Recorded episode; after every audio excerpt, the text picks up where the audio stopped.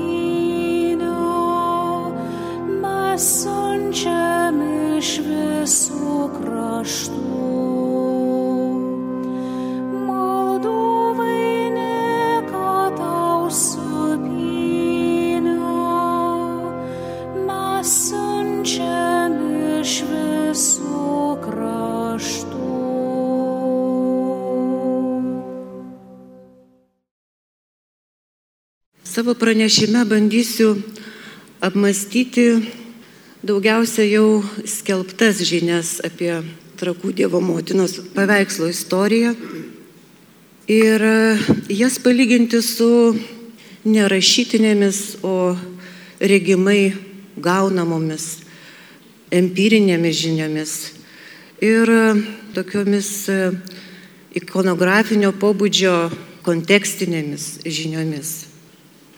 Rašytiniai šaltiniai, kuriuos kreipiu didžiausią dėmesį savo tyrimę, tai e, 17 amžiaus tekstai. E, Simono Mankevičiaus e, stebuklų knyga, pavadinta Trakų e, parapinė bažnyčia, Alberto Vijuko Kojalavičiaus aprašymas jo bažnytinių įvairenybių knygoje. Na ir e, atkreipiu dėmesį ir į 622 metais publikuotą Motėjaus Kazimiero Sarbievijaus apodžių ciklą skirtą piligriminiai kelioniai į trakus aprašyti. Kita mano medžiaga, kitas šaltinis, tai būtent 94-2000 metais Lietuvos dailės muziejaus Prano Gudino restauravimo centre atlikti fizikiniai ir cheminiai tyrimai. Ir būtent rengenograma, kuri parodė, kad tas pats paveikslas turi ir kitą regimybę. Tas pats paveikslas yra, bet jisai slep, sie- savyje slepia ir dar vieną, arba dar vieną, ko gero, matomą, bet galbūt yra ir dar kitas nematomas, dingęs atvaizdas. Žodžiu, vienas materialus kūrinys gali turėti ir daugiau nežinomų autoriaus sukurtų atvaizdų. Ir remiantis šitą medžiagą, e, derindama ją, aš užklausiu tokius klausimus, kurie jau na, ne vieną dešimtmetį jaudina ir neduoda ramybės pirmiausia meno istorikams. Tai kuriamegi laikotarpį trakų Dievo motinos paveikslas buvo iš esmės pakeistas. Dabartinė jo regimybė visgi yra 17 amžiaus e, vizualinės struktūros. Nors yra įvairių versijų apie galimą provaizdį siejamą su Santa Marija Madžorė ikona, tačiau e, akivaizdu, kad kažkoks kitas buvo provaizdis. Tai koks kitas, kitas provaizdis? Ir ar jisai siejasi su ta pirminė to uždengtojo atvaizdo ikonografija? Man konkrečiai to provaizdžio aš galbūt ne, ne, nedrįščiau skelbti, kad aš kažką atradau, bet aš bandau nubrėžti tokį paieškų lauką. Bandau tą istoriją apie paveikslą sujudinti, kad jinai būtų gyvesnė. Bandau, žodžiu, žiepti kažkiek ugnies, aistros, kad mes nenurimtumėm žinodami legendą, bet bandytumėm ieškoti tos tiesos grūdo. Ir toksai kaip elementas, gairė, kuri mane šitame tyrimė savotiškai vedė, tai būtent ta rožės ikonografinė detalė. E, nes e, ir jūs turbūt, kai pažvelgiat į atvaizdą, atkreipėt dėmesį, kad Trakų Dievo motina išsiskiria tuo ypatingai grakščiu, gracingu, švelniu Dievo motinos kryžiedės rožės laikymu. Ir tai tapo tokia kaip ir tyrimų gairė. Čia ir norėčiau e, iškelti ir poleminį klausimą, kodėl būtent Dievo motina pavaizduota su rožė. Ar tikrai tai buvo inicijuota ir nulemta rožinio brolyjos pamaldumo, o galbūt e, buvo nulemta kažkokio ikonografinio tipo ir universalesnės simbolikos. Tai e, staptelkime prie Simono Mankevičiaus 645 metais publikuotos stebuklų knygos, kurios įžanginėje dalyje tokį randame paveikslo aprašymą. Jisai teigia, kad e, bažnyčioje yra stebuklingas graikiško pavydalo, originalo kalba tvažai gretskiai, švenčiausios mergelės Marijos atvaizdas. Kas mums svarbu? Kodėl jisai mini, kad graikiško veido? Paskui šitą paminėjimą interpretavo tuo, kad būtent graikiško veido dėl to, kad tai buvo paveikslas dovanotas Bizantijos imperatoriaus Komneno antrojo Vytautoj didžiajam, kad tai buvo bizantinė graikiškos tapybos ikona.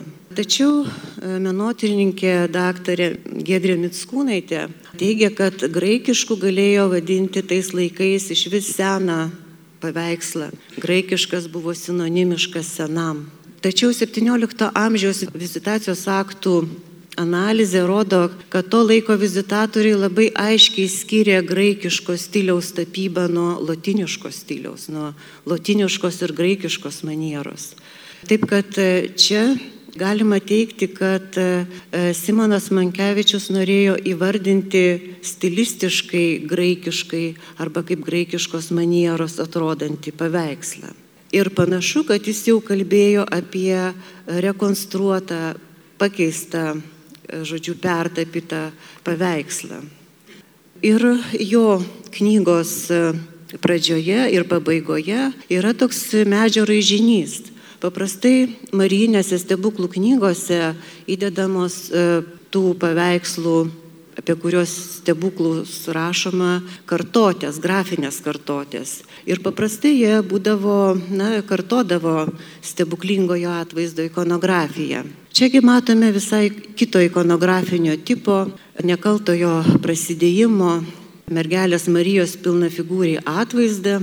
Ir, na, jisai verčia suglumti Viena versija, kad e, kai buvo rengiama knyga, kaip tik panašiu metu ir vyko atvaizdo rekonstravimas, bet nebūtinai Kita versija, kad tiesiog įdėti grafiniai paveikslėliai, nesiejant su konkrečiu atvaizdu, tiesiog turėjo spaustuviai, vat, bazilijonai, kurie Vilniuje leido tą knygą, tiesiog turėjo tokias klišes ir atspaudė knygos pradžią ir pabaigoje. Įdomu tai, kad apatinėje juostelėje, kur paprastai būdavo įrašomas, tarkim, tikrasis atvaizdas to ir to paveikslo, Tai tokia būdavo savotiška dabartinės nuotraukos funkcija tų paveikslėlių. Nieko nėra įrašyta. Tai rodo galbūt anuomet irgi buvo tas panašybės nebuvimas ar klausimas galbūt kėlė kažkokių nesusipratimų. Bet štai 650 metų šaltinėje Vijukas Kojolavičiaus Vyko Kajolavičiaus tekste rašoma, kad kitados paveikslas apėmęs visą figūrą, kaip pasakoja prisimenantis. Vėliau, kad būtų lengviau pritaikyti naujam altoriui, buvo perpjautas per pusę ir dabar iki pusės tesimato. Na čia tokia radikali ir galima sakyti savotiškai na, skandalinga žinia. Ir įdomu, kad 45 metais apie tai neužsimenama. Galbūt dėl retorikos, na, negražu kalbėti apie perpjautą paveikslą, jo lab tokį gerbiamą ir, ir visiems svarbu. Bet čia dar siūlau grįžti atgal 20 metų ir perskaityti Matėjos Kazimieros Arbievijaus eilės, kurios e, istorikai tai nelaiko rimtų šaltinių, nesako, na čia menas, čia poezija. Bet e, Sarbievijus irgi e, savo eilėmis leidžia įsivaizduoti Dievo motinos atvaizdą kaip pilna figūri. Ir Dievo motina pavaizduota palaidais plaukais. Kas regėjo, kaip ant balčiausio kaklo plaikstosi plaukai palaidi mergelė, matė, kaip rausvai nusidažo bronzą rūbas karalius, ant kitų galvų neilgai vainikai žydė, niekada nenuvis karmelio gėlės, kuriomis dabinės mergelė. Ir įdomu tai, kad rengenogramoje irgi matyti, kad e, Marijos galva puošia rožių vainikas ir panašiai kaip sapiegų Dievo motinos atvaizde Ir dar viena įdomi detalė, kai Sarbievijus rašo apie kūdikėlį Jėzų, jisai nurodo tokią detalę, kad hiecintas žyba tau delnuos. Ir įsižiūrėjus į medžio raižinį, jį prisitraukus iš labai arti, aš pastebėjau tai, kad išganytojas irgi laiko kažką panašaus į augalo šakelę. Ir tai leistų daryti tokią galbūt išvalga, e, analogija, kad e, galbūt laikė pats Jėzus gelelę, galbūt Marija laikė irgi baltą žiedą, kuris siejamas su nevystančios gėlės, amžinosios gėlelės ikonografija. Ir galima tokia versija, aišku, ją reiktų patikrinti dar nusekliau, kad galėjo būti pirminio paveikslo ikonografija ir nekalto prasidėjimo. Jolab, kad cheminiuose tyrimuose ties Marijos apseustų buvo aptikta ir aukso pigmentų dalelių. Ir e, šioji Madona kažkiek labiau siejasi ir su tuo medžio raižiniu, nors ne visiškai adekvačiai.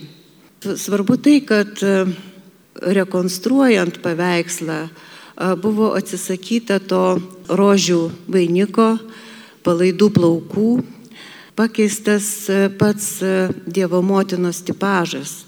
Pirminėme variante jis turėjo šiek tiek tokio artumo ir su Vilniaus Mykolo Arhangelo bažnyčios mergelė Marija Sapieginė, kuri irgi visas paveikslas yra pertapytas 17 amžiui, bet iš 15 amžiaus pabaigos išliko veidas. Ir dabar kyla klausimas, kaip ta graikiška tapyba, kaip ji, ta prasme, 17 amžius, bet matome tokią akivaizdžią archaizaciją, sąmoninką archaizaciją, grįžimą prie tokios ikoniškos stilistikos.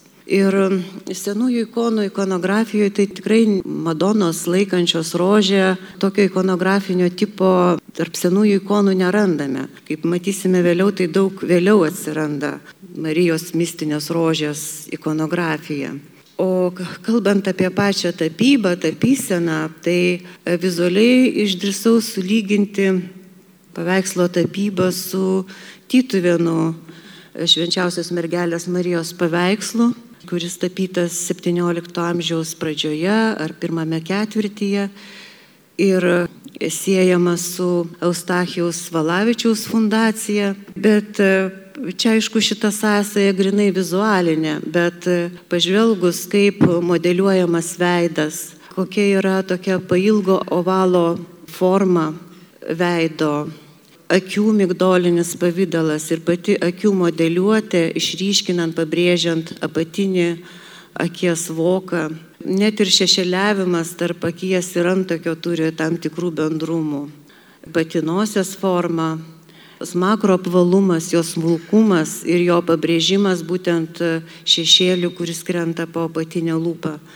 Na, tai leidžia teikti, kad Trakų Dievo motinos paveikslas buvo rekonstruotas, pertapytas mūsų aplinkoje, galbūt e, ne to paties meistro kaip Tytų vienu, bet e, siejasi su ta barokiška ikonų tapyba, kuri buvo įkvėpta Tridento susirinkimo naujųjų nuostatų, naujos estetikos, raginimo grįžti prie senųjų arhainių atvaizdų, tokių kaip Šenstahabas Dievo motina, išlaikyti rimti, atsisakyti smulkių tokių detalių ir, žodžiu, grįžti prie tokios solidžios kanoninės tapybos. Ir kaip žinia, kad na, netapydavo menininkai šiaip savo įkvėpti invencijos kaip 20 ar net 19 amžiuje. Tapydavo pagal pavyzdžius, nes bet kurios Dievo motinos atvaizdą sukurti reikėjo turėti kažkokį senesnį pavyzdį, originalą kadangi buvo tikima, kad malonė persiduoda iš paveikslo į paveikslą, jeigu sėki pačiu originalu, pačiu artimiausiu provaizdžioj kūriniui. Taip kad tie, žodžiu, atvaizdai turėjo ir tokį relikvinį statusą. Na ir čia lieka atviras klausimas, nes nepavyko dar man surasti konkretaus provaizdžio. Pavyzdžiui, kažkiek trakų Dievo motinos paveikslą savo pozos frontalumu, tuo, kad laiko rankoje augalo šakelę, primena dingęs Braunsbergo juzuitų kolegijoje buvęs ir garbintas paveikslas, kuris žinomas iš Sadelerio graviūros. Žinoma, ir daugiau tokių yra paveikslų, kur vaizduojama Dievo motina sostė.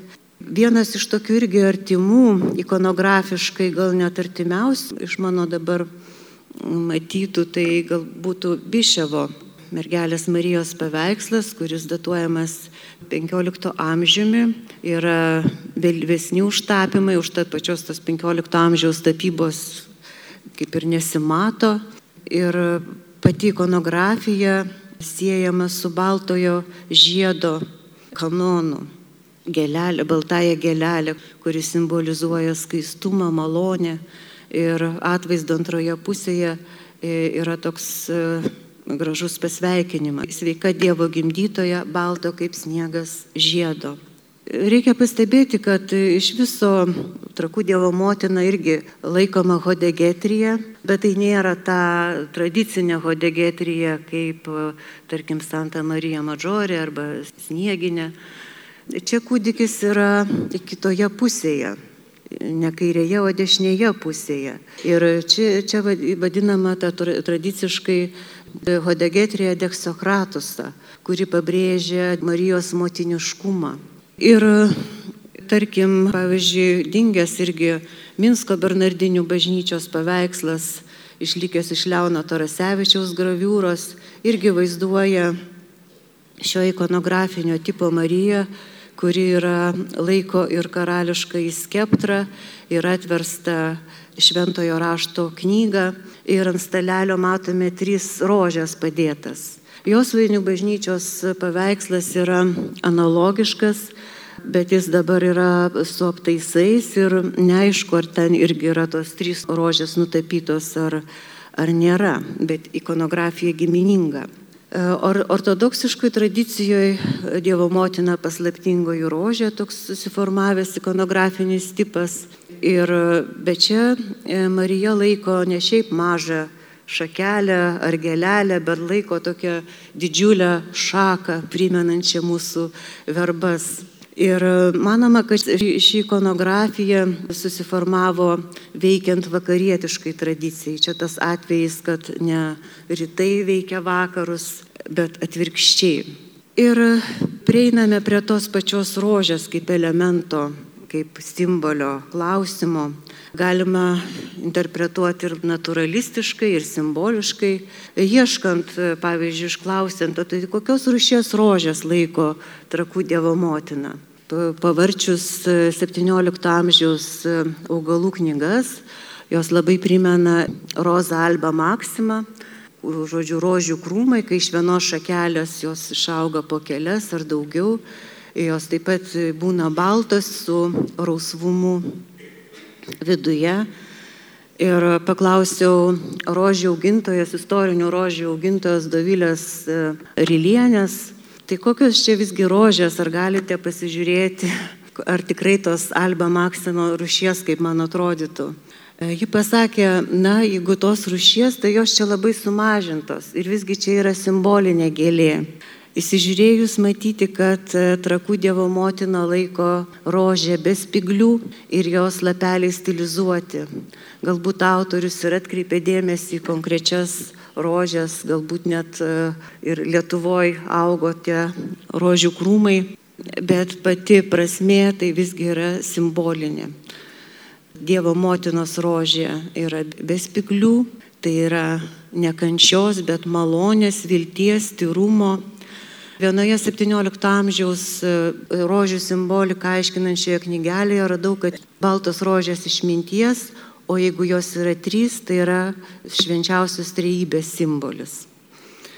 Bet e, Marija yra simbolizuojama ir pačios rožės.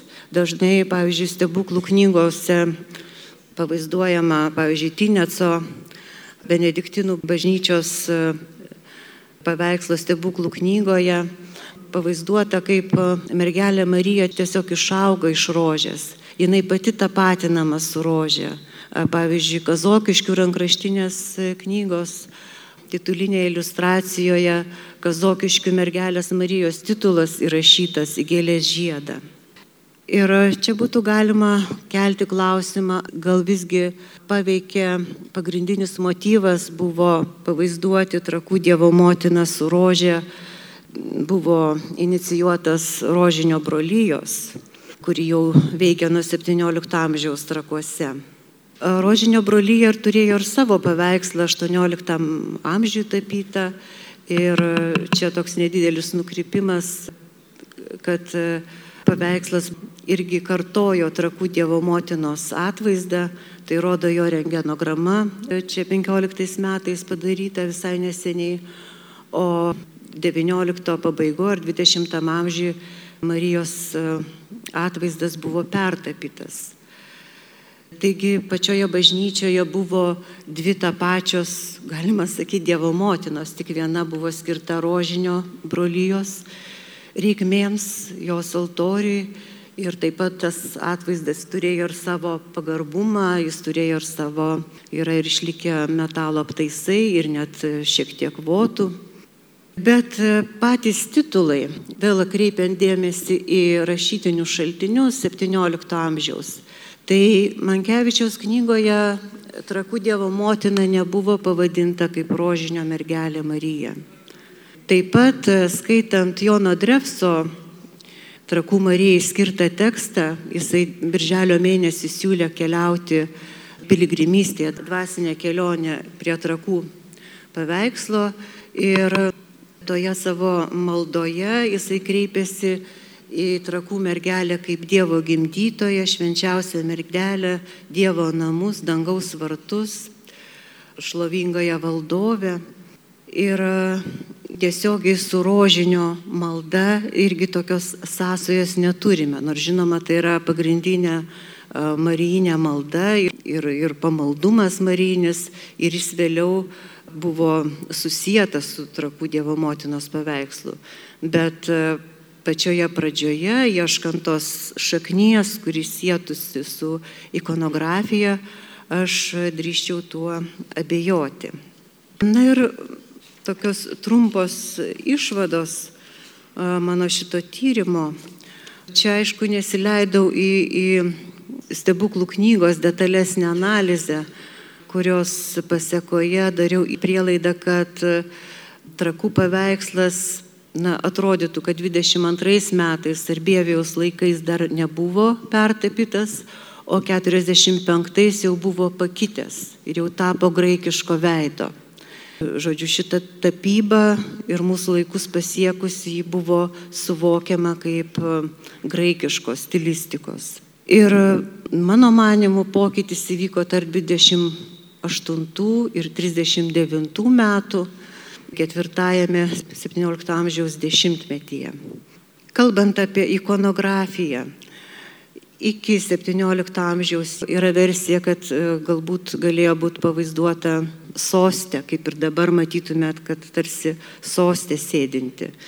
Bet galėjo būti ir nekalto prasidėjimo ikonografija, tai leidžia teikti rengenogramos ir kai kurie cheminiai tyrimai, taip pat literatūrinis šaltinis, galbūt ne visai patikimas, bet visgi Ir, ir tie analogai, kad 15 amžiaus pabaigoje visgi tas ikonografinis tipas gelelę laikanti nekaltojo prasidėjimo mergelė buvo ganėtinai populiarus tipas. Ir gelelės laikymas to tokiu tokiu gotišku grakščiu gestu perėjo ir į 17 amžiaus tapybą. Ir tapo to, to galima sakyti, ikonografinė savastimi. Tačiau atkreiptinas dėmesys ir į tai, kad raižinyje, kaip matėte, yra ta kūdikio laikoma šakelė. Ikonografijoje dažnai būna tokie savotiški perkelimai, tokie savotiški inertiškumai, ką laiko kūdikėlis Jėzus, paskui ilgainiui gali būti priskirta ir jo motinai. Na ir aš kaip ir abejočiau, kad ta trižiedė rožė buvo tiesiog inicijuota rožinio brolyjos.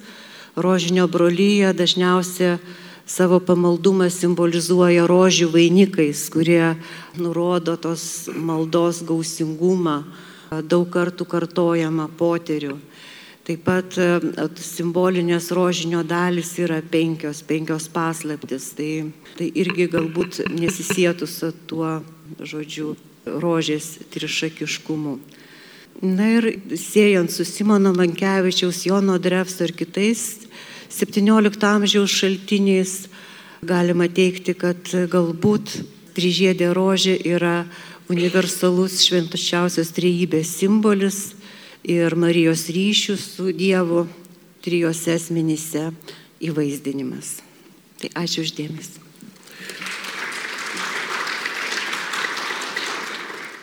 Laidoje klausėmės menotyrininkės daktarės Tojanos Račiūnaitės paskaitos apie Trakų Dievo motinos paveikslą. Girdėjote įrašą iš Trakų mergeliai Marijai skirtos konferencijos.